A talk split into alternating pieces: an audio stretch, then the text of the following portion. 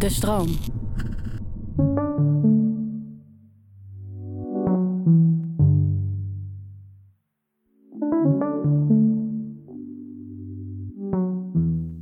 Het is onvermijdelijk. Het leven. Het leven is maar tijdelijk. En tegelijkertijd drukt de muziek op jouw afscheid. Een stempel op de eeuwigheid. Je laatste playlist. Je laatste show. Je laatste DJ-set. Je laatste solo. De laatste keer. De AUX-kabel in jouw macht. Dus onder welke muziek wil jij worden herdacht?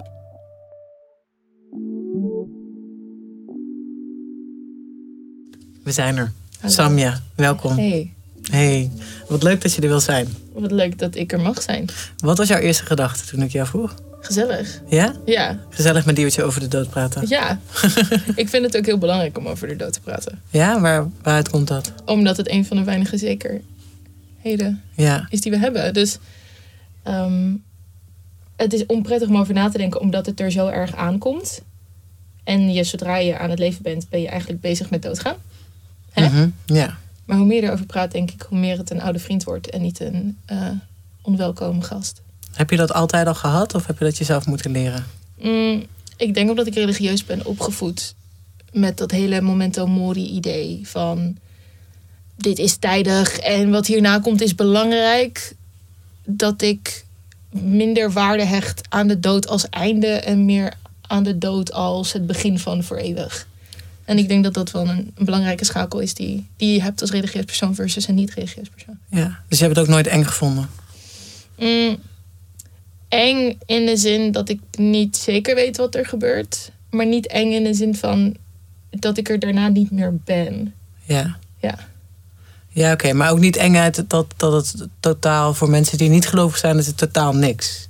En dat kan Ja. natuurlijk heel angstig zijn. Voor mij is het meer van wat ik niet weet. Ja. Maar ja, ik weet ook niet hoe morgen eruit ziet. Dus voor mij heeft dat dezelfde spanning. Ja, precies. Ja, het is gewoon een onbekende toekomst. Want eh, toen jij je meer ging verdiepen in de islam, heb je natuurlijk ook veel meer geleerd over hoe zij kijken naar het hiernamaals en dergelijke. Ja, zeker. Wat een hele, ik vind het een hele fascinerende. Ik heb er niet zo ingedoken als jij natuurlijk.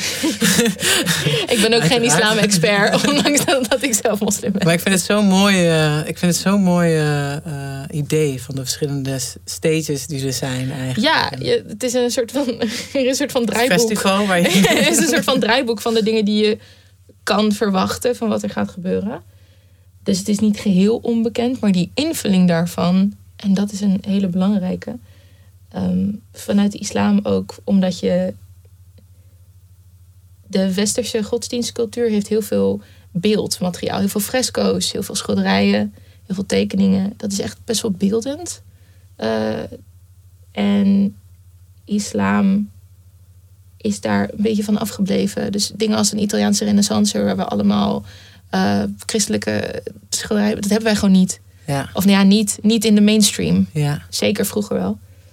Waardoor je dus een beetje jezelf erop moet betrappen dat je niet bepaalde uiterlijke kenmerken geeft aan dingen die je niet kent. ja. Bijvoorbeeld een engel of een profeet, controversieel. eh, of iets als Adam en Eva, hoe zien zij er dan uit en dat soort dingen. Of hoe ziet een, een eh, hoe zeg je dat in het Nederlands? Een, een, een tuiner uit, een Garden of Eden, ja, zeg maar ja, ja. ik weet niet hoe dat eruit ziet.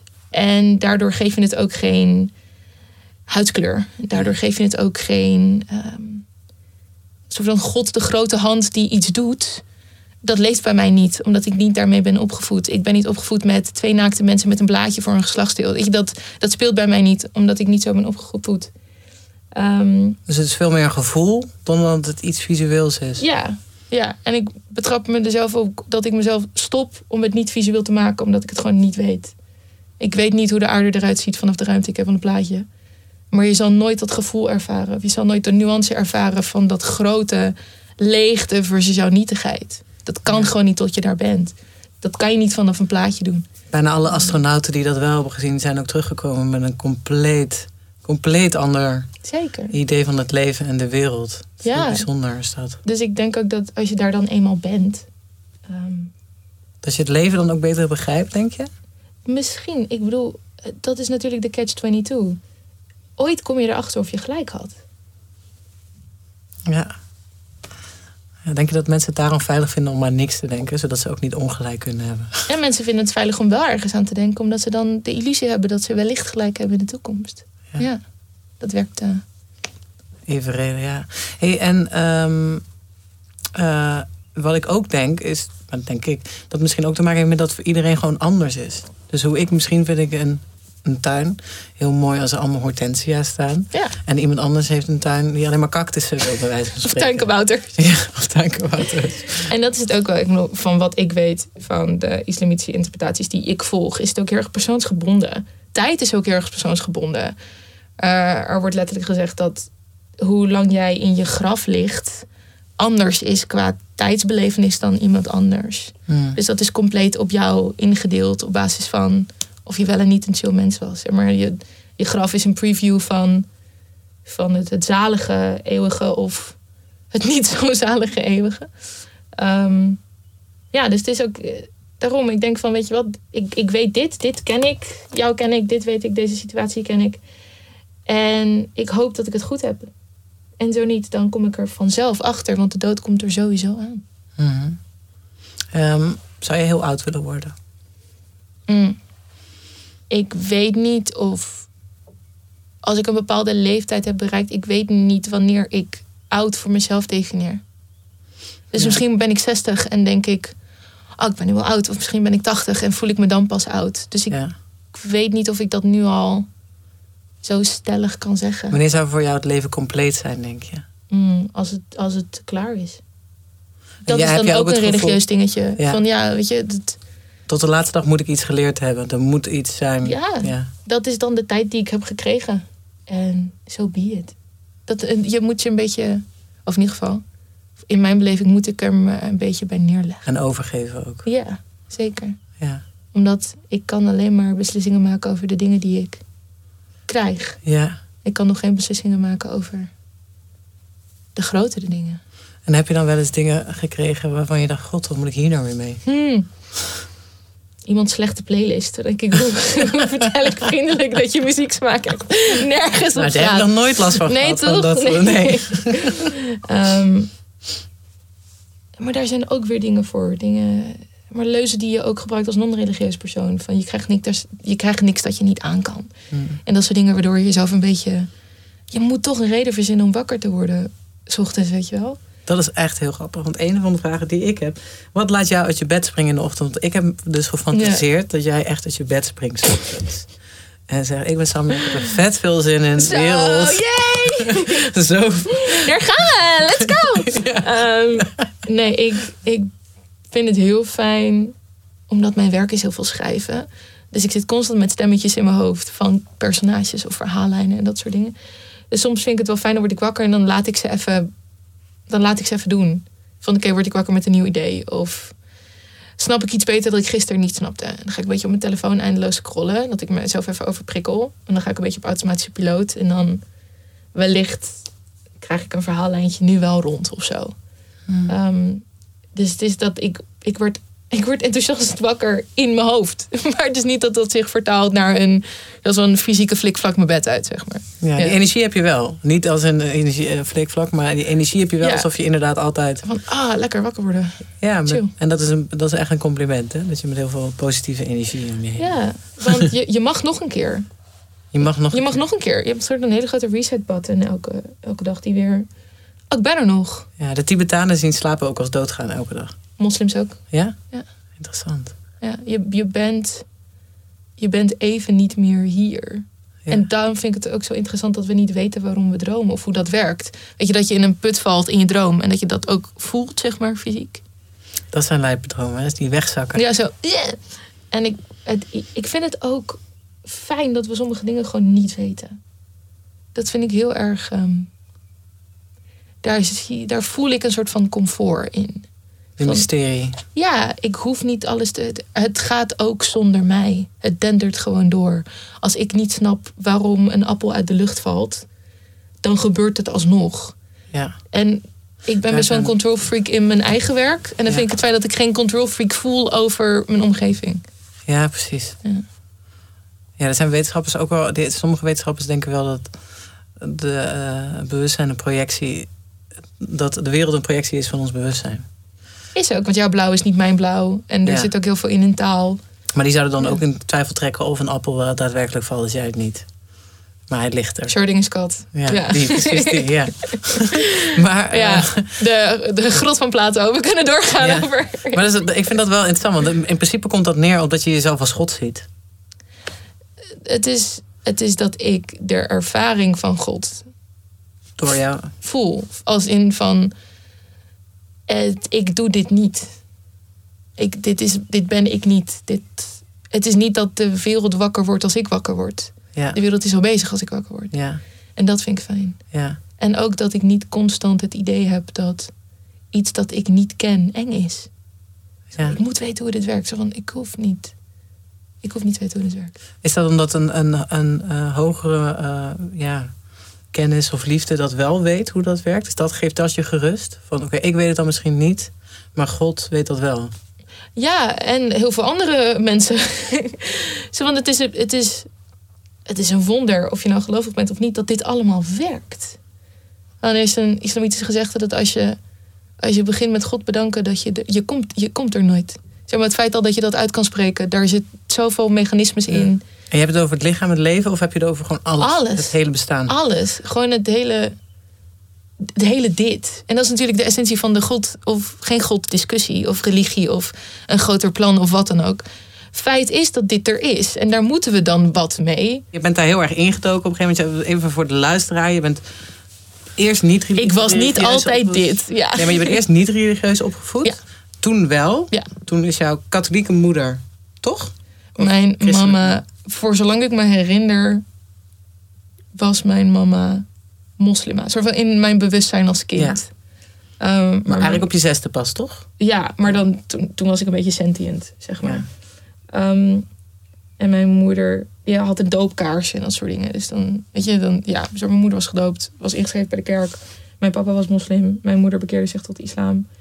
Maar ik vertel hier altijd heel weinig over, want dat, ze leven nog en dat zijn hun eigen religieuze ervaringen. Dus ik blijf er liever een soort van. Maar om even aan te geven wat, jou, ja, wat jouw geloof was in, in, in, in God geloven, is dus dat je eerst dus later is aangeleerd in die zin. Ja.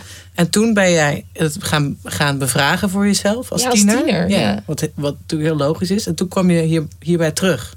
Ja, ik woonde in Engeland. En toen kwam ik een hele andere islam tegen dan in Nederland. In Nederland is toch echt Marokkaans en Turks. En daar komt heel veel groepsdruk bij kijken. Daar komt heel veel invloed van buiten af en toe bij kijken. Dus dan kom je in bepaalde interpretaties terecht die soms in mijn geval schuurde met wat ik dacht dat de essentie was van, van mijn belevenis van, van islam. Of hoe dat zou passen binnen mijn persoonlijkheid en binnen mijn levensstijl.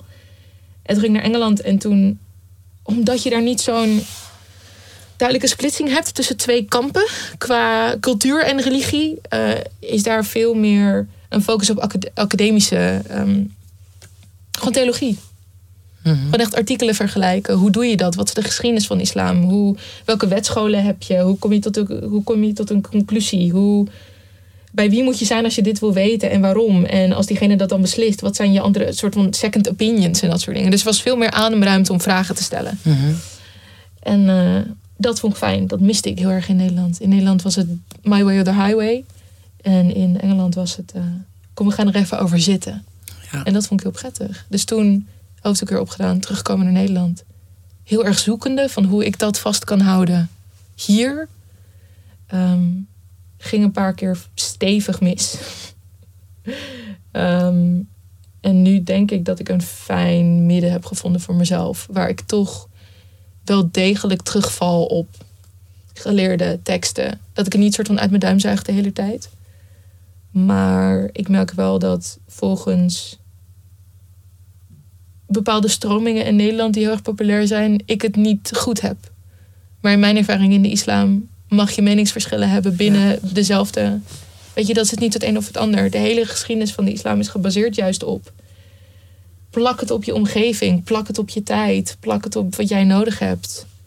Maar we hebben gewoon in Nederland niet genoeg mensen die dat kunnen doen vanuit Nederlands perspectief. Dus dat, dat is lastig voor mij. Maar dat is een hele grote discussie over gender, politiek islam, patriarchaat, eh, kolonialisme. Dat, dat is echt vet moeilijk. Maar dat vind ik ook moeilijk voor mezelf als moslim. Als publiek figuur.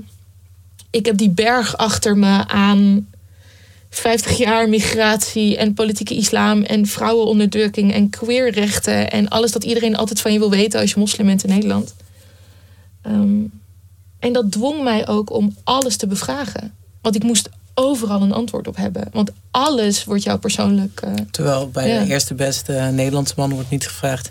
hey, hoe de Joden, ja. what's up? Ja. Soort van, en toen dacht ik van, huh, wat raar dat je me, of, of ben je homofoob? Dan denk ik, oké, het is duidelijk dat andere mensen deze vragen niet krijgen.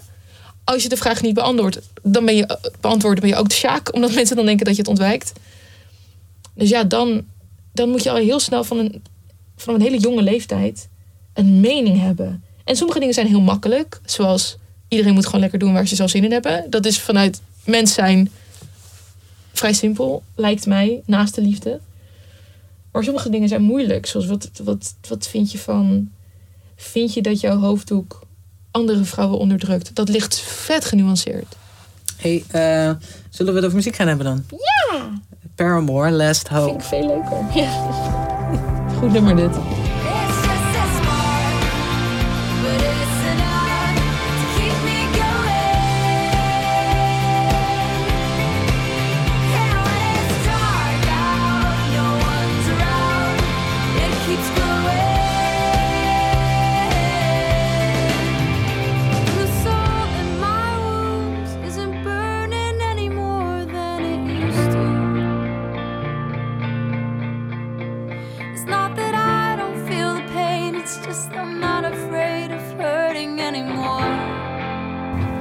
Was Paramore met Last Hope. Dit nummer wordt gezien als een perfecte introductie voor, van Paramore. Ja, de live versie. Ja, Oh, de live versie. de live versie. Maar wat, is, wat betekent Paramore voor jou? Alles. Ja? Ja, het is van mijn bandje. Ik ben 26 nu.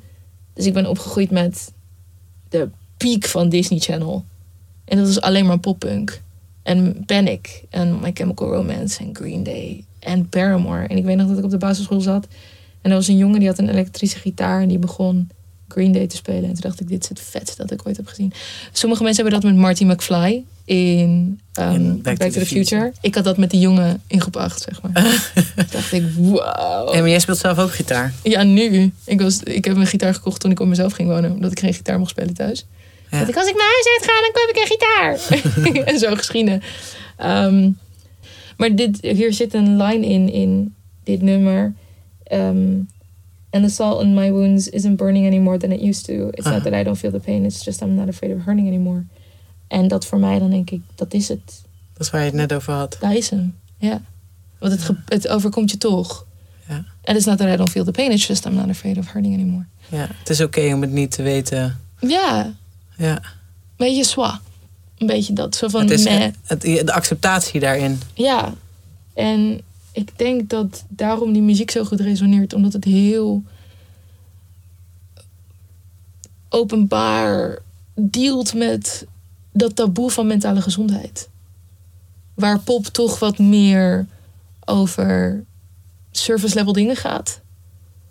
Omdat het een hele grote marketability, vooral in de 90s, weet je wel. Dat, dat hele veel bubblegum pop.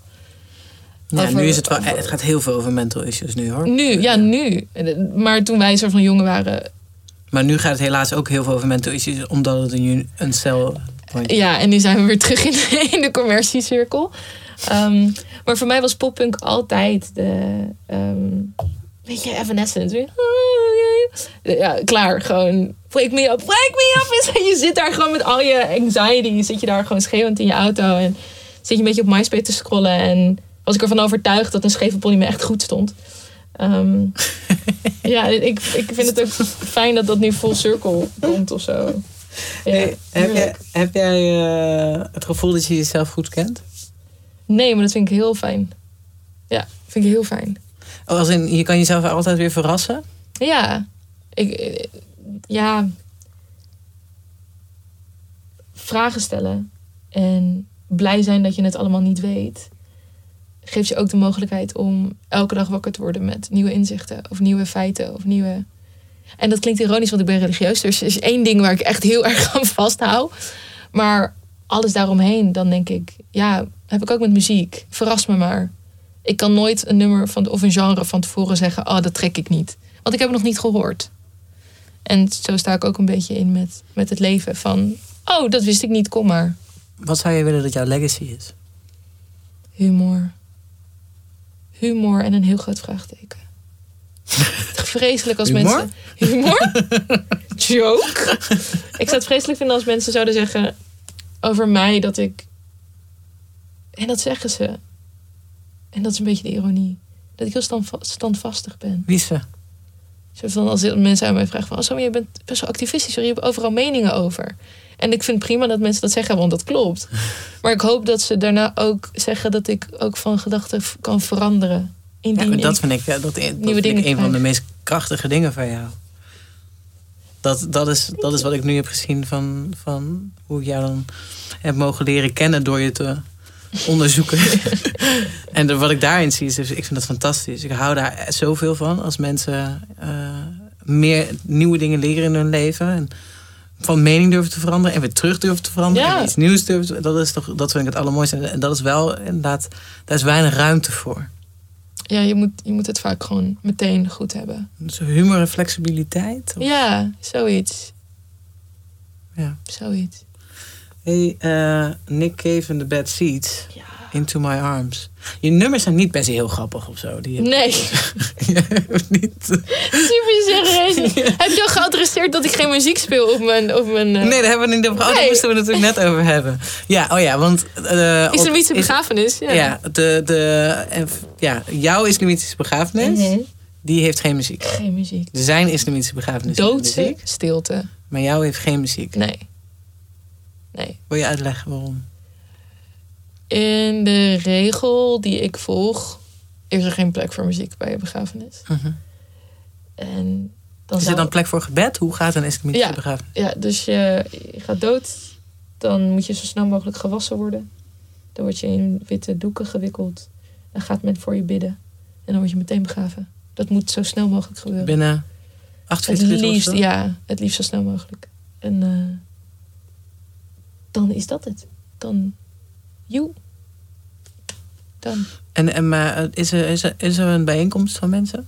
In de moskee, dat mensen voor je bidden. Ja, dat heet een janaza. Maar dan ligt je lichaam daar niet. Niet zoals in ja, de kerk. Oh, wel ook. Ja, bij de, voor de imam. En gaan mensen dan ook nog langs de kist? Nee, Dus hetzelfde als gewoon een normaal gebed. Maar je kist ligt daar en dan... niet kist, gewoon meestal lig je er in, Oh ja? in doeken. Ja. Ik weet echt niet of, of je in Nederland in, in een kist moet, maar Want normaal word je dus gewoon in de grond begraven. ja. Zonder kist. ja. Handig. Oei. is beter wel. Want dan kun je meteen verteerd worden. Ja. ja. En, Volgens mij moet je in Nederland in een kist hoor. ja? Ah. Ben jij wel eens op een Nederlandse begraafplaats geweest? Ja. Ben je wel eens bij... bij eh, Nog nooit bij een begrafenis en nog nooit. Nee, dat lieg. Ik ben bij de begrafenis van mijn oma geweest. Maar toen was ik vier of vijf. ja. Heb ik een tekening in haar kist gelegd. Wauw, dat is echt een soort van herinnering die dan open gaat of zo. Was dat je eerste begrafenis? Ja. En mijn laatste, van wat ik me kan herinneren. Oh ja. Ja, daarna geen crematies. Alleen mijn oma. Ja, alleen mijn oma. Dus je hebt ook nog geen islamitische begrafenis meegemaakt? Ja, maar voor mij, ik bedoel, als je vraagt begrafenis, want je bent niet. Ik ben nog nooit bij de in de grond. Ik ben wel bij een dodengebed geweest, maar Ja. ik ben niet bij het gedeelte dat. Oké, dus het heet dan ook een dodengebed. ingaat. Ja, een Dus janaza. je gaat niet mee naar het kerkhof? Of... Nee. Kerkhof klinkt wel natuurlijk heel anders. Dat is een begraafplaats bedoel ik. Kerk. Kerkhof. Ja, je daar- bij het kerk. Ja, en dat dacht ik, ja, ja, ja. In, eh, nee, ik moest eraan denken, want je had in op Zorgvliet in Amsterdam heb je hele bizarre eh, eh, eh, gaf, gaven. Ja. En eentje is ook boven de grond. En het is een soort van multiplex. Oh, Zo gek. Sorry voor degene die daarin ligt. ja.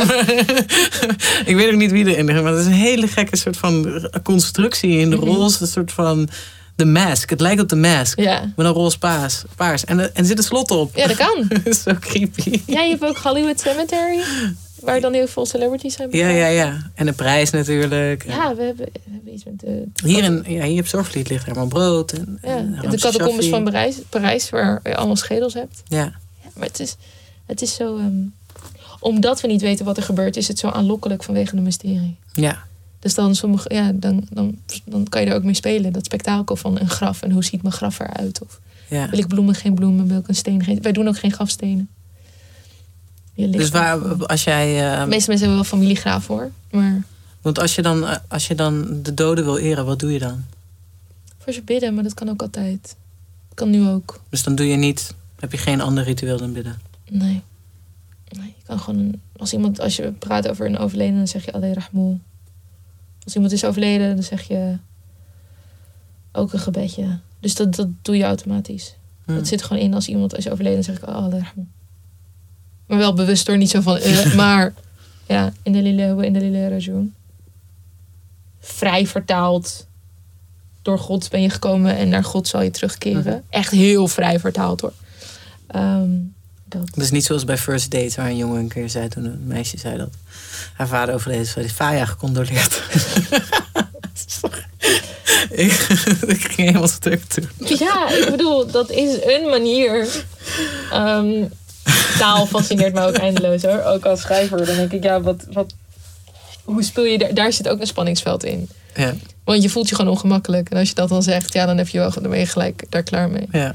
Maar mijn, ik vond het lichaam van mijn overleden oma Oh ja, in ons huis. toen jij zo jong was. Toen ik heel jong was. Dus dat was jouw eerste aanraking met, Met de dood. Begreep je dat toen al? Ja, want oma was gevallen en oma was bij ons thuis en oma ging een dutje doen. Het vroeg aan mijn moeder, kan je even checken of alles goed is met oma? Toen is mijn oma overleden. En toen kwam de arts Maar jij ging toen naar haar kamer toe, ze lag naar de slaapkamer van mijn, ouder, van mijn ouders. Daar lag je oma in bed. Ja, en mijn oma En was toen raakte je haar aan en toen... niks meer. Wist je het Ja. meteen? Was Nee, het koud of... nee. Maar zo van oma die reageert niet. En toen is mijn moeder gaan checken. En toen heeft mijn moeder de dokter gebeld. De dokter kwam, familie kwam. En toen zei mijn moeder dat ik oma een kusje moest geven. Durfde je dat? En toen zei ik, dat is oma niet. En dat vond mijn moeder heel heftig. Ik weet dat ze tegen mij zei van... Je- Alsof je wist dat dat... dat ja, dat dat een soort van oma's, alleen oma's lichaam was. Dat je gewoon...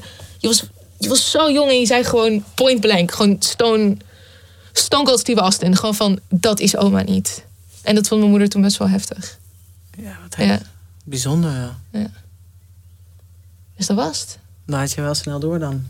Ja, de wereld dat mijn neefje en mijn nichtje, eh, mijn oom en tante hadden verteld dat die, hadden, die draaiden daar een beetje omheen of zo.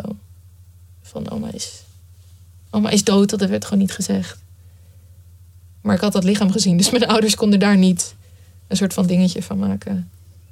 Ik weet nog dat we gingen vliegeren. Ik had een tekening gemaakt van Flubber, de Robin Williams film. En toen had ik dat in de, in de kist van mijn oma Goeie gelegd. Ja. Flipper met je oma. Heel specifiek Flubber. Ik was echt Flubber-fan. Maar dat is, dat is de eerste en enige keer. En, maar mijn man is, is arts en die gaat wel eens naar lijkschouwingen. En dan moet je verplicht als arts bij een, dood, bij een overleden persoon blijven totdat, ehm, totdat de arts komt. Hm. En dan zit je daar in een huis Hm. met een overleden persoon. En, en heb je een moment voor jezelf om respect te uiten. Maar je gaat gewoon en je, ja, dat is wat je doet. Het, het, het is zo'n zekerheid waar ik heel veel comfort uit haal. Omdat alle dingen die ik naar vind, alle dingen die ik heftig vind, Die worden opgelost ook. met de dood. ja, maar die stoppen ook. En alle dingen die ik prachtig vind. Maar het is een, het is een soort van dingetje dat je inlevert. Van als je het ene wil, dan moet je ook het andere krijgen. Hey, ik heb ergens gelezen dat... ehm, het kan niet waar zijn. Mhm. En natuurlijk is het... Heeft het op Je- Facebook gestaan? en ik weet dat je geen expert bent, maar... eh, dat de islam de hel ziet als een plek waar je alles kan en alles mag... en je nog steeds niet gelukkig bent. Mm, dat zijn dan van die concept, Ja. conceptfilosofieën, zeg maar. Ehm, dat is de bedoeling. Omdat de, de tegenhanger is de hemel, waar voordat je beseft dat je iets wil, je het krijgt. Dus de eeuwige verzadiging eigenlijk. Of de zalige eeuwige verzadiging. Maar het klonk zo ergens de wereld. En Of in Dat ieder geval is een- kapitalisme. Ja, maar dat is een andere levensfilosofie. Dat de, de wereld is het, is het niet het kwaad. Ik weet niet zo goed hoe ik dit goed moet vertalen. Maar de, de wereld is de marteling van de gelovigen. Omdat je nooit zaligheid zal krijgen uit, uit het leven. Omdat je constant verlangt naar het De de eeuwigheid. ja. Ja, omdat je gewoon weet dat er iets beters is later. En aan de andere kant moet je dat ook niet zo erg romantiseren dat je totaal geen waarde meer hecht aan andere mensen, ja. aan andere levensbeschouwingen, aan Zie je het echt als een test? ja, ja, het is een soort van puntjes verzamelen. Engeltje, Ja, op, je, een game. engeltje op je schouders, goed slecht. Aan het einde wordt het allemaal in de weegschaal gegooid en zie maar of je het goed hebt gedaan. Maar denk je dit dat... wordt waarschijnlijk ook allemaal weer aan me herhaald. Van besef wel dat je dit hebt gezegd en waarom heb je dat gezegd? Ehm, Nee, eh, Ja. Dan zeg ik het bij deze. Je hebt het recht om op dit moment te vinden wat je denkt. top. En dan morgen weer iets Morgen anders bel ik je en dan ja, En dan heb je gewoon iets nieuws geleerd. En dan heb je weer iets anders in je ik er hoofd. anders over. Toch? Maar- Dat, mogen we alsjeblieft even nu die veto uitspreken. dat we dat recht hebben. Mijn god. Ja, Oh, ik weet het. Ik weet het niet. Is een heerlijke zin. een heerlijke zin. Ik weet het niet. Mijn nichtje zegt dat ook wel. Ik weet het niet. Ik weet het niet. Wat, wat naar dat we dat als volwassenen uit hebben gezet. Ja. Eerlijk delen en het niet weten. into my arms, oh Lord, into my arms, oh Lord, into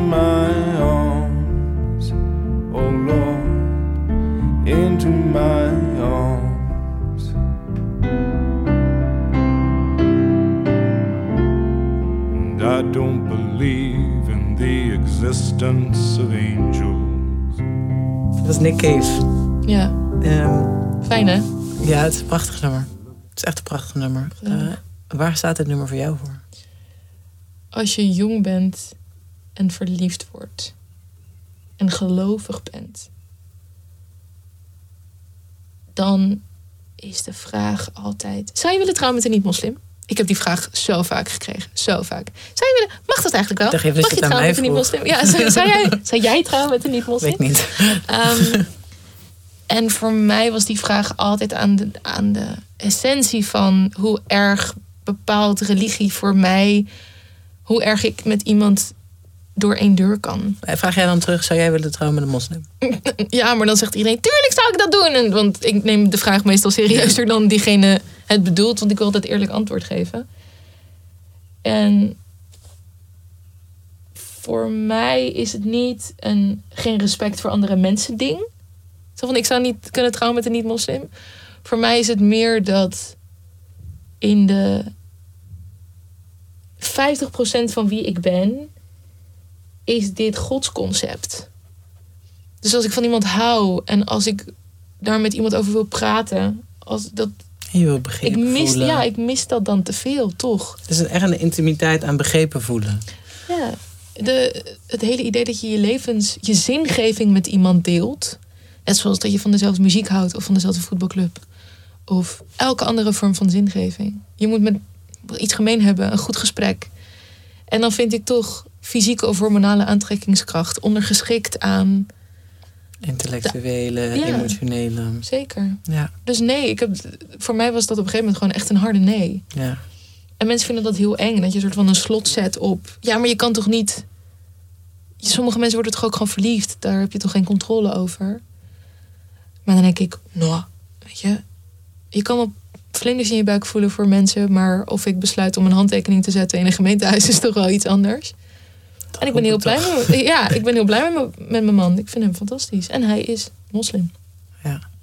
Maar dit nummer staat voor jou dus voor en verliefd zijn en samen religieus zijn. Ja, omdat dat lied zo mooi illustreerde voor mij wat het alternatief had geweest indien ik niet tot die conclusie had gekomen. Dat dan iemand naar mij zou zingen: I don't believe in an interventionist God. Maar Als jij dat wel hebt. dan hoop ik dat dat Ja. wij iets puurs hebben met z'n twee en dat hij dat dan goed had gevonden. Ja, Of mooi. ik gebruik hij, maar islamitisch gezien is het een D en het is Oh ja? genderloos. Daar hoor ik naar mensen nooit over. Typisch hè? Ja, hmm. In de Koran is het heel veel verschillende eh persoonlijk voornaamwoorden. Ehm, het is een, ik hou van taal en dit moet je er even uitknippen. Maar ik vind dat heel, zeg maar, Jezus Christus zijn nooit God. Het woord God is heel erg wij nu. Maar ik vind dat heel typisch als mensen zeggen Allah. Dan denk ik, Allah is dichter bij het Aramees voor God dan God hoor. Mhm. Dat, dat mensen daar zo'n soort van orientalistisch dingetje aan hebben gehangen van Allah. Ik zo, Maar staat Allah niet voor alles?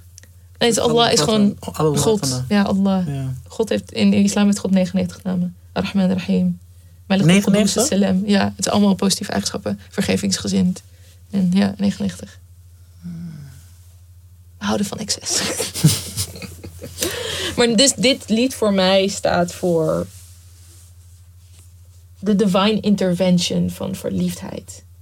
En hoe je als gelovige toch anders verliefd wordt. Voor in mijn ervaring heb ik toch een ander beeld van aantrekking, van seksualiteit, van een band hebben met iemand, van keuzes maken voor de rest van je leven. Als je denkt dat de rest van je leven pas begint als je sterft. Dus daarom vind ik dat lied zo mooi. Geloof jij ook dat eh, jouw partner daar dan is, m- mocht hij eerder sterven eh, in het hiernamaals? Is dat ook iets? Er wordt gezegd dat je partner de andere helft van je geloof is. Dat is echt een super populair ding wat mensen op alle bruidskaartjes en in hun Instagram bio zetten. Van, eh, Ik snap hem niet. Ja. Dus je partner is de andere helft van je geloof, dus belevenis. Oké. Dus je bent single 50% moslim. en met je partner ben je 100% moslim. Oh, oké. Omdat je elkaar aanvult in die ervaring. Een soort van die partner maakt je wakker voor het gebed. Of je vast samen Ramadan.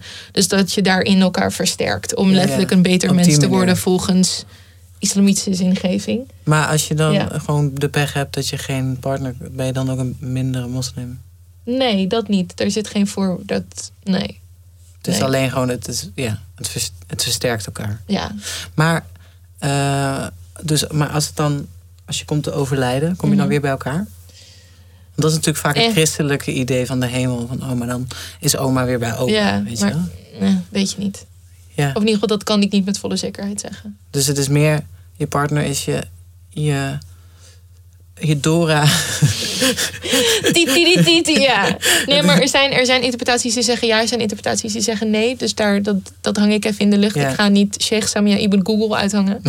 Ehm, Maar voor jou, is het, voor jou is het wel... Jullie helpen elkaar daar heel erg in. ja, en mensen zeggen ook we created you in pairs. Dus je bent samengeschapen met iemand. Je, je twin flame, zoals ze op TikTok zeggen. Ehm, dus je hebt een soort van divine partner. Ehm, Twin flame. maar je kan ook lekker single blijven en dan gebeurt er ook niks extra's met je of zo. Dus het is Ja. allemaal van mij. Ja. Interessant. Je gaat toch alleen dood. Ja, precies, daarom.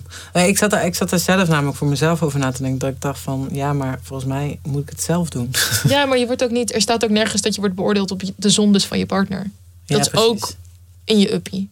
Ja, Dus het is alsnog best wel individualistisch. Terwijl het wel wordt aangemoedigd. maar we zijn om- allemaal met elkaar connected. Ja, te trouwen met iemand die daarin wel matcht. Ja. Ja. Ik dacht dus dat het nummer ging over ehm, hoe moeilijk het is om eh atheïst te zijn. Wanneer er zo vaak bewijzen worden geleverd van iets hogers. Ja. Het zij liefde. Een Nick Cave, die dan ook door zo'n eh, hele zware periode van afkicken heen gaat. En dan het enige wat het lichtpuntje in zijn leven is waarschijnlijk dan alleen nog die liefde. ja. En dat je dan. Ja, bij jou is het dan. Kan ik dat niet vragen, want bij jou is het al zeker. Maar soms ben je zo verliefd. Mhm. Dat je gewoon bijna denkt dat er iets hogers moet zijn. In wanhoop zijn wij altijd gelovig. Ja, Altijd. Als, de, als het vliegtuig neerstort. dan is het meest. ja, Maar ook in liefde, soms ben je hopeloos verliefd. En dan moet je ergens geloven dat er iets Ondanks is dat je kan helpen. alle imperfecties die jij hebt, dat iemand in staat is om toch van je te houden. Dat voelt voor mensen als een wonder. Ja. Ja.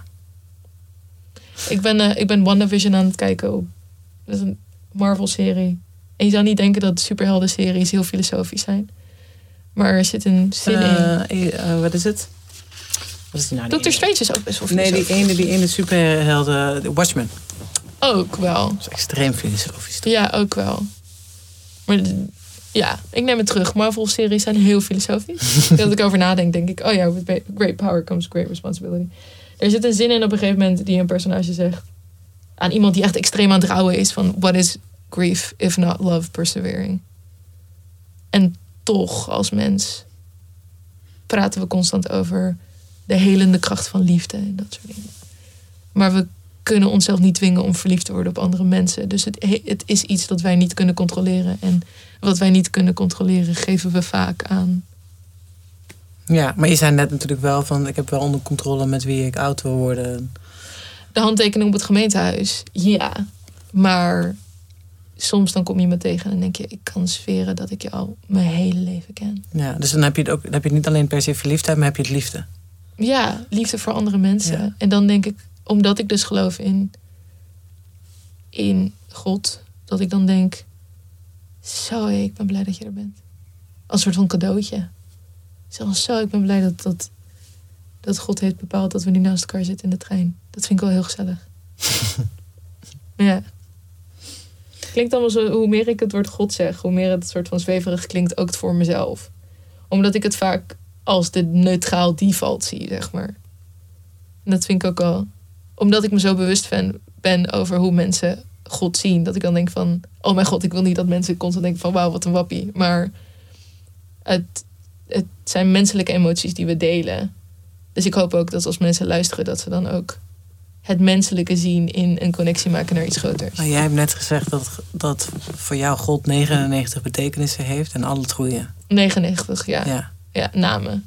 Ja, of ja, 99 namen heeft en het Ja. zijn al het goede. Ja, Dan, dan kunnen mensen toch wel invullen wat dat voor jou betekent. Namelijk het goede in het leven en het mooie. ja. en dan zeggen mensen, waarom heeft God dan kanker en oorlog gemaakt? Dat zijn niet in een van die negen. Het zit niet in die rij van 99. En dan zeg ik, ja, maar God heeft ook de McFlurry gemaakt. En voor het ene, nee. McFlurry kanker. McFlurry kanker. Ik weet niet hoor. Maar het is, het is zo moeilijk, omdat die discussie komt altijd op het punt dat. Maar het is wat het is. En ik vind niet dat je God de schuld kan geven als je niet in God gelooft. En dat is voor mij heel lastig. Ja. Als mensen zeggen, ja, maar georganiseerde religie is slecht. Hm. denk ik, oké, maar als je niet in God gelooft, dan kan je niet God de schuld geven. Dus mensen zijn slecht, toch? Ja. En dat geloof ik ook. Dus we zeggen eigenlijk in principe hetzelfde. Wij hebben dit gekregen en als je je vrije wil gezellig vindt, dan heb je ook consequenties. En dat vind ik zo moeilijk vaak aan de discussie. Want we zeggen precies hetzelfde. Zo bijzonder hoe mensen iets heel moois en iets heel verbindends kunnen maken eh, in iets heel negatiefs en evils. En dan heb ik het over de, de, eh, de kwetsende en de onderdrukkende kanten van, van georganiseerde religie. Maar dan dus zeker. ook de mensen die ook alleen maar dat willen zien. Het is macht. Hm. Het is macht. En dan neem ik weer solaas in het feit dat de mensen die doordenderen op die negatieve trein, dat ik er ooit uitstap. En dat ik dan alleen maar verantwoordelijkheid hoef te nemen over hoe erg ik een kaartje voor die trein heb gekocht. Dus ik ga altijd alleen dood. En ik, ga, ik ben altijd alleen met mijn, mijn consequenties dat ik een keer een kauwgompapiertje op straat heb gegooid. Dat is mijn hokje. En wat andere mensen doen, dat is dan niet aan mij. Maar ik ben ook verantwoordelijk van in hoeverre ik dat heb tegengehouden. Dus je kan ook wel degelijk, je bent ook soms wel echt wel degelijk verantwoordelijk voor. Je had ook dat papiertje op kunnen rapen voor een ander, zeg maar. Hm. En dat is een beetje de, de tweestrijd waar we allemaal in zitten als mens. In hoeverre voel je geroepen om de wereld te redden? Dat, Mhm. dat heldencomplex dat iedereen af en toe voelt. Of totaal niet. Ik kan me voorstellen dat mensen dat gewoon niet hebben. Maar Heb ik jij wel. dat? Ja, Ja. ik heb dat heel erg. Waar Ja. denk je dat vandaan komt? Het, het idee dat een van de naarste dingen die je kan voelen is dat niemand om je geeft en dat niemand voor je wil zorgen. Dat je de andere mensen niet aan wil doen. Ja. En dan ook de natuur bijvoorbeeld. Ja, of, of gewoon dat soms zie ik, dan, dan kom ik naar iemand En dan ziet iemand mij met deze kleding en met deze hoofddoek en met deze alles. En dan zie ik gewoon angst. En dat vind ik vreselijk. Vreselijk. En dan wil ik dat gewoon wegnemen. En niet door te zeggen, ik ben een van de goeie, want dan gooi je iedereen voor de trein. Maar gewoon wat naar dat dat groepsdenken erin is geslopen. En ik betrap mezelf er ook af en toe op. Van dat je moet, blij, je moet jezelf eraan blijven herinneren dat die individuele verantwoordelijkheid waar ik mezelf vredig eh, in bed, eh, weet je dat ik mijn ogen dicht kan doen, die moet ik ook aan andere mensen geven. Dus je moet ook niet. Groepsdenken vermijden. Elke keer. En laat je elke keer weer verrassen. Hopelijk door nieuwe informatie. Ook al is die informatie oncomfortabel. Voel je je dan ook verantwoordelijk dat zo iemand die dan bang is voor jou om. om ze dan ook iets anders te leren of te laten zien? Of laat je het dan gewoon met rust? In, in de islam heb je het concept dawa. En dat is ook weer zo'n woord dat getwist en gedraaid en gedingest is. Maar in de essentie van het woord betekent het dat, je, dat jij altijd een voorbeeldfunctie hebt voor de hele religie. Dus als mensen jou zien dan. En ze hebben een negatief beeld van islam, dan jouw verantwoordelijkheid. Dus dat voel ik wel. Van ik draag bij me de, de zwaarte van de groep. In plaats van een individu. Maar soms kan je mensen niet van gedachten veranderen. Een vriendelijk knikje in de trein zorgt niet dat iemand niet voor de PVV stemt. Maar. Ja. Dat is zo zwaar, man. Want het gebeurt zonder mij. Ik kan er niks. Ik heb dat niet veroorzaakt en ik kan het ook niet wegnemen. Maar het lijkt me dan, het lijkt me dan ook heel zwaar van je, van je geloof dat ze dat aan je vragen. Tot op zekere hoogte. Het proberen is al goed. De intentie van het proberen is al goed genoeg. Ja, het is, het is een beetje het christelijke idee van turn the other cheek. soort van. Ja. Maar ook vooral dat je beoordeeld wordt op wat je wilde veroorzaken en soms niet de uitkomst. Maar alleen in positieve zin. Dus je wordt beoordeeld op, op je intentie Ja, en niet op de uitkomst. ja En wat vind je, dus jij vindt de intentie ten alle tijde belangrijk. zeker. Dus als Ja. de intentie is, oké, dan gaan we terug naar kunst. Ja. Als de intentie van een bepaalde kunstvorm Ja, is zoveel mogelijk money pakken, ja, namelijk High School Correct. Musical. ja. Maar dan, maar, maar dan staat het toch haaks op wat je zei over dat je dan die, groot, die mensen bereiken. zeker niet. Want altijd als ik, als ik mainstream kunst maak, probeer ik er altijd filosofie, zingeving of een omkering Dus je- van negatieve stereotypen. Dus je wil zoveel mogelijk mensen bereiken, Ja, zodat je dan die boodschap van liefde en acceptatie en anders kijken ja, kan verwerken daarin. ja, Dus het, de intentie is zoveel mogelijk mensen introduceren aan die boodschap. ja. Ja. Dus als ik, ik ben nu met een film bezig en een van de personages die heeft een dove zus, dus die gebruikt gebarentaal. Dan denk ik, oké, fijn. Dan kan ik iemand die zich even genegeerd voelde als ik een, een klein momentje geven dat, oh, die lijkt op mij. Vet. Representation is dan belangrijk. Ja, je kan niet de wereld verbeteren met één film. Maar ik kan wel. Ik was Wings Club aan het kijken en iemand had een hoofddoek, echt twee seconden lang en ik moest janken. Maar gewoon dat. dat, Een is heel een soort even. van geanimeerde heksenachtig ding, toch? Ja, maar dan de live-action serie. Maar heel even dacht ik, oh, dat ben ik. En, en die kleine cadeautjes voor andere mensen, dat vind ik leuk om te schrijven, zonder dat het dus te vingerwijzerig wordt. Ja, dat of, vind ik zonde. of dat het ook... Ja, Want als ik bijvoorbeeld gebarentaal in een, in een film wil doen, dan vind ik ook dat ik all the way moet gaan. Dus dan moet ik ook aan de desbetreffende dienst vragen: hey, kan je misschien een versie uploaden met een, met een tolk in de hoek?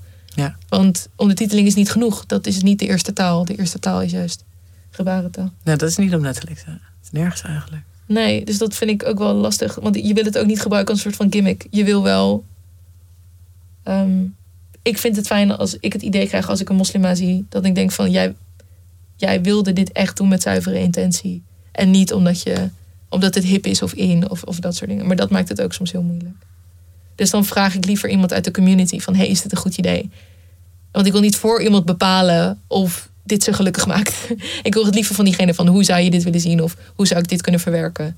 Ehm, want ik vind het ook fijn als mensen mij bellen van... hey Samja, wat, ik wil dit graag doen. Is dit wel de, de juiste manier? En dan kan ik zeggen ja of nee. Of dan kan ik iemand erin adviseren. Want juist als je... in al je naïviteit en al je enthousiasme van ik ga dit doen voor jullie, dan gaat het meestal mis. Ja, want dan doe je het niet echt voor hun, want je weet helemaal niet zo goed wat ze willen. Nee, je hebt totaal niet Dat gevraagd of ze dat nodig. Ja. Maar ja, dan ben je ook weer at the risk of... Ja, maar die, die dove persoon zei dit. ja, en sometimes you gotta take the L. Ja, Want eh, we leren allemaal. net zoals de islamitische community, het is niet één stel hersenen die een soort van massa beslissing kan nemen. Ja, Dus mensen ook zien als individu is ook heel belangrijk daarin. ja. Je kan niet met weet je, Aziatisch-Nederlandse presentatie is zo laag.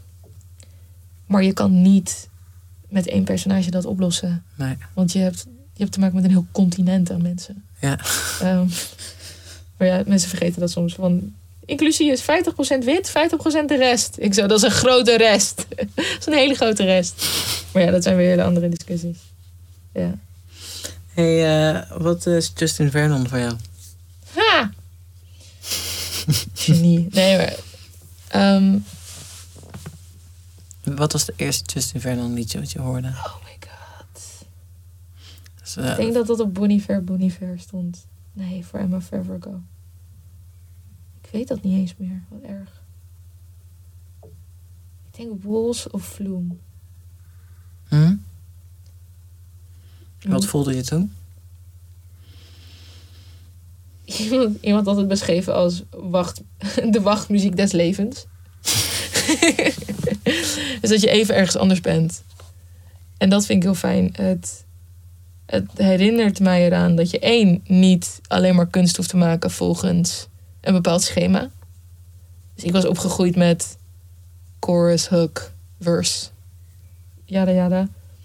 Dus dit was de eerste keer dat ik echt verliefd werd op iets dat best wel instrumentaal was. En het was een soort van audio-ervaring. Het ging veel breder dan even knikken met je hoofd. Het was een complete soort van overweldiging van geluiden. En het was meer ervaringsmuziek. En dat vond ik heel tof. En toch toegankelijk. Want het is niet alsof niemand weet wie Bon Iver zijn, zeg maar. Het is niet een hele niche cult ding. Ik bedoel, Mensen verkopen gewoon... eh, ja, gewoon arena's uit. Ja. Dus dat. En dan komt mijn obsessie met high en low art weer samen.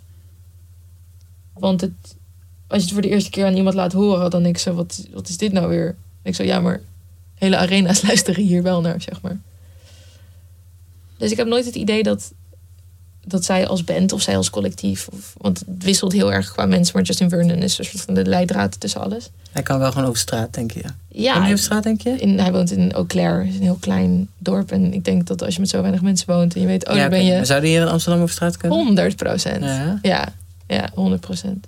Hij, ook, eh, hij stond op de nieuwste Taylor Swift platen. En daar zingt hij ook met een masker op. Omdat hij dus niet herkend wil worden door Taylor Swift. Ehm, Snap ik wel. ja, ik denk dat ik ook die keuze zou maken. Als je ooit die kans zou krijgen om met Taylor Swift te zingen. Maar voor mij is het een, ja, een, een muzikale ervaring waar ik me heel erg comfortabel bij voel en heel gehoord. En een soort van baby wordt je vastgepakt en het komt allemaal maar goed. Dat is, dat is Bon Iver voor mij. Jij zingt zelf ook. Ja, Doe je dat nog veel? Voor de lol. Als ik Niet- het echt leuk vind. Niet om En soms voor mijn werk. en niet om jezelf vast te pakken. Nee. Nee. Oh, dat laat ik andere mensen doen. Nou ja, Justin heeft het met zichzelf gedaan natuurlijk. Dat is de reden waarom het zo klinkt. Ja, nee, ik maak wel dingen die ik leuk vind. Dat wel. Dus ook voor. Ik, ik ben een musical aan het schrijven en dan maak ik wel dingen die ik leuk vind. Maar ehm, op basis van de cast laat ik ze het zingen zoals zij het het liefst zingen. Ja. Dus het is niet dat ik iets voorzing en dan doe dit. Omdat ik niet denk dat de muziek daar beter eh, van wordt. Dus ik weet niet of ik zou doen wat hij doet. Qua zo erg je instrument begrijpen en daarmee spelen. En hele instrumenten uitvinden op basis van wat hij met zijn stem kan doen. Maar wat ik wel fijn vind aan het werk van Bon Iver... is dat zij zo buiten het hele idee van dit verkoopt staan. Ja, volgens mij hebben ze ook echt een superklein label. En Ja, ja, Eén een vrij manager en- Ja. muzikanten komen en gaan. En ja, Heb je hem wel eens gezien? één keer de Heineken Musical Hall. Ja, dat Ja. is wel veel. Hè? Lang geleden. Ja, ik was daar ook. Maar ik heb hem één keer in Utrecht gezien. Mhm. In, eh, in zo'n, ik weet niet meer waar het was. Het was een soort van theater.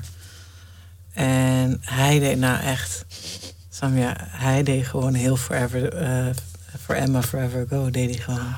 Met drie mensen. Dat is toch niet normaal? Ik heb zitten huilen. Maar dat is Want het. ik dacht, ik ga hetzelfde zien als wat ik bij Heineken, in Heineken Musical heb gezien. En dat was wel mooi. Het was een mooie show. Maar Ja. ik, wou, ik wou die intimiteit. En ik zat daar en ik had het totaal niet verwacht. En ik heb echt lopen janken. Ja, het overrompelt je heel erg. Ja. En- Omdat het live zoveel beter is. Het is live zo anders. Elke keer weer. Ik kan eeuwig is een NPR-registratie van een van de concerten. Dat, die luister ik twee keer per week. Helemaal. Helemaal een uur lang. Helemaal door. Helemaal door. Omdat soms dan luister ik de plaat en dan denk ik, ah jammer. En dan luister ik naar de live versie en dan denk ik, ja, dit is hem. Maar dat vind ik ook heel... Je luistert twee keer per week. Het Een hele uur. concert. Omdat ik het eh, gebruik als schijfmuziek. Oké. Ja, dus dan zet ik hem gewoon aan. Maar dat vind ik altijd een beetje lastig aan. Kijk, Bon Iver is... Dat is jouw schrijfmuziek? Ja, Bon Iver. Bon Iver. En Justin Vernon is natuurlijk een soort van de figurehead daarvan. Maar ik wil niet onderdoen aan de muzikanten die dat allemaal vullen. Ja. Ehm, want het is zeker niet alleen hij die aan de knoppen zit. Het is echt een collectief. Ik bedoel, de Staves, die zitten ook heel veel op de live registraties. ja. Ehm, en de Staves zijn ook zelf een hele goede band. Dus ja, Maar over intimiteit gesproken aan live. eh, de Heavenly Father versie die online staat. Waar hij ehm, bij La Blogotheek. ja Volgens mij Franse blog, toch? eh, For Emma Forever Go een keer heeft gedaan. Een klein gangetje. Ja. Ja. Ja, iedereen deed dat toen voor La Blogotheek. Zij deden toen ook, eh, ik weet nog, ehm, wie was dat nou? Zij hadden allemaal van die, ja, volgens mij was zij, zij zei Frans. Zij hadden allemaal van die pop-up. Hadden ze hele bekende indie-zangers die ze dan opeens in de metro in Parijs gingen laten optreden. Heerlijk toch? Fantastisch. Ja, was leuk. echt. Ja. Er was toen zo'n hele rage toch online dat iedereen van die Ja. Jimmy, Jimmy Fallon ging ook met Miley Cyrus ergens in een, in een metro-gangetje staan of zo, helemaal verkleed. Ja, dus eh, voor hun heeft hij dus een Heavenly Father gezongen. Ja. Voor één vrouw. ja, die wordt ontvoerd van de straat genomen en dan wordt ze daar op een stoeltje gezet. Oké, dat wist ik niet. Ja, Kende zij nee, Justin? Kende Nee. zij Bon Iver? nee. Oké. Dus zij werd gewoon van de straat geplukt van, hé, hey, je wordt Ik hier dacht dat naartoe zij fan was. Nee. Want zij blijft zo cool. Zo ja, Terwijl ik daar al zat te janken Ik achter mijn computer. ik was gestorven. Ik denk, ik weet, ik weet niet dat het uit had gehouden. Nee, Want hij staat daar ook in zijn tanktop. Ja, het lijkt alsof hij net, het het land afkomt. het lijkt net alsof hij ging boogieboarden op Zandvoort. Zo Echt niet. Als een ongewassen hippie staat hij daar. En er staat er een heel koor achter hem die mee aan het zingen is. Ja, en, het is- voor haar, tegen haar, recht. en zij zit daar gewoon. Zo, Oh, leuk, gezellig. Ja. Dus iedereen in de comments ook onder die video van ik was kapot gegaan. Ik had Ja. gejankt. Ik had, oh mijn god, dit is, dit is hoe het leven klinkt. En allemaal hele filosofische dingen. Soms vind je een liedje op YouTube en dan gaat iedereen in een complete filosofische rant. In de comments vind ik altijd heel leuk. Maar met dit nummer, dit is... Iedereen die ik dit nummer laat horen, die is ook compleet overrompeld door die ervaring. En ik denk dat dat Bon Iver voor mij is. Ja, Het klinkt als het leven. zullen wij afsluiten met Bon Iver? Ja. En dan ook afsluiten met deze Auxwaard over de dood en het leven. Ja. Ehm, en dan kunnen mensen gewoon lekker gaan huilen op, eh op Geniet. Doe een goede koptelefoon op. Dat sowieso. Tip. Ja. Als, je naar on- als je naar onze stemmen luistert, moet je sowieso een goede koptelefoon. Zeker. Veel bas in je koptelefoon. Oké, here we go. Dankjewel, Sabine. Veel plezier. I've just been up here for goddamn years. Can you see now? Filling up walls with goddamn fears. I am free now. I know about it, darling.